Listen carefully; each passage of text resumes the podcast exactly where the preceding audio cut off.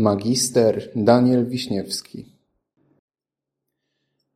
W poniedziałek 22 stycznia w Biblią na co dzień odnajdujemy dwa fragmenty pisma. Pierwszy z nich pochodzi z księgi proroka Izajasza, z rozdziału 45, z wersetu 8. Spuśćcie niebiosa rosę z góry, a obłoki niech sączą sprawiedliwość.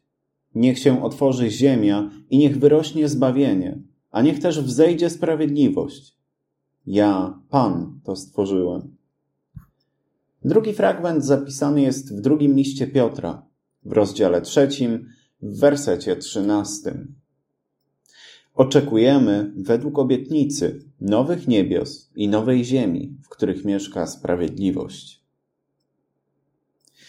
Pragnienie sprawiedliwości to jedno z tych pragnień, które wywołują w człowieku największe emocje. Chcemy być traktowani sprawiedliwie. Chcemy być tak samo oceniani przez prawo i społeczeństwo. Chcemy być tak samo doceniani w pracy czy szkole, jak inni, którzy podobnie do nas ciężko pracują. Chcemy czuć, że nie jesteśmy gorsi od innych z powodu naszego majątku, poglądów czy statusu społecznego. Problem jednak z pragnieniem sprawiedliwości polega na tym, że ono nierzadko przez bardzo długi czas pozostaje niespełnione. Dla przykładu, pierwsi chrześcijanie czekali bardzo długo na prawne uznanie przez państwo. Musiało minąć wiele pokoleń, żeby coś w cesarstwie rzymskim drgnęło. Przenosząc się w czasie dalej, ile lat musiało minąć, żeby protestanci mieli w Europie swobody wyznaniowe? z bardziej społecznych rzeczy. Ile epok musiało minąć, by kobiety miały równe prawa obywatelskie co mężczyźni? I wreszcie, na polskim przykładzie, ile lat musiało minąć, by zażegnać ten uprzykrzający życie system zwany socjalizmem? Mam pełną świadomość, że te wydarzenia, które przed chwilą wspomniałem, są od siebie bardzo znaczeniowo oddalone. Jednak wymieniłem je, ponieważ Pomimo wyraźnych różnic w charakterze, łączą je dwie rzeczy. Po pierwsze, ludzie, którzy doprowadzili do tych zmian, poświęcali w tym celu bardzo dużo siły i zaangażowania, a po drugie, wszystkie te kamienie milowe w naszej historii nie weszły w życie błyskawicznie, jakby wraz z stryknięciem palców, ale były w istocie długimi i żmudnymi procesami. Dzisiaj, mając już te wspomniane wydarzenia za sobą, możemy je rozważać, czytać z podręczników i rozumieć tak czysto intelektualnie. I na przykład dochodzić do wniosku, że tak, warto walczyć o sprawiedliwy świat.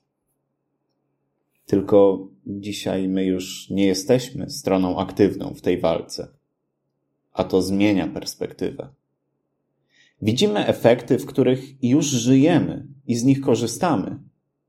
Nie boimy się o nasze swobody wyznaniowe, o nasz status prawny czy prawo głosu w sprawach politycznych.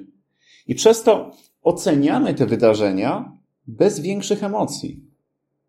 Jednak ludzie, którzy do nich doprowadzali, widzieli to inaczej. Oni na własnej skórze doświadczali niesprawiedliwości, Bili się z własnymi myślami, bali się o swoje życie, zdrowie, o swoje rodziny. Niejednokrotnie nie dożywali chwili, w której mogliby się cieszyć upragnioną sprawiedliwością. I to jest ta różnica w perspektywie. Bardzo istotna zresztą. Chcę przez to powiedzieć, że my też mamy w życiach nasze własne walki o sprawiedliwość. Czasami ludzie nas nie szanują, mierzymy się z przemocą w rodzinie, z bólem naszych bliskich, z niesprawiedliwym wyrokiem sądowym albo nierównym traktowaniem w naszym otoczeniu. I w takich chwilach, podobnie jak ludzie, którzy przed nami walczyli o wielkie idee, możemy czuć się czymś przytłoczeni, bezsilni. Możemy myśleć, że cały świat jest przeciwko nam. Ale to nie znaczy, że nie warto walczyć Być może moje poświęcenie nie przyniesie pozytywnych zmian na wiele lat, albo w ogóle nie przyniesie zmian w moim życiu. Ale kto wie, czy nie przyczyni się do budowania lepszego świata dla następnych pokoleń? Czy to, że ja muszę się teraz trochę namęczyć, oznacza, że w ogóle nie warto się męczyć?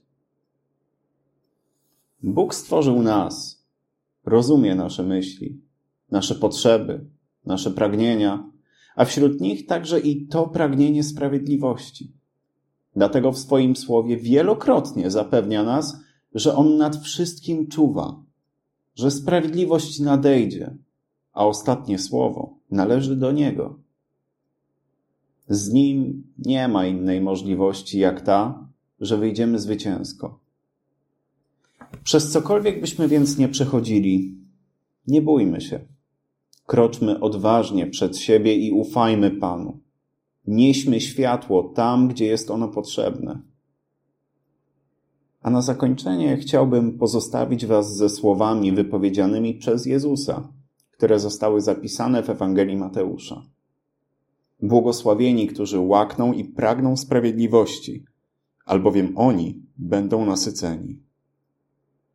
Amen.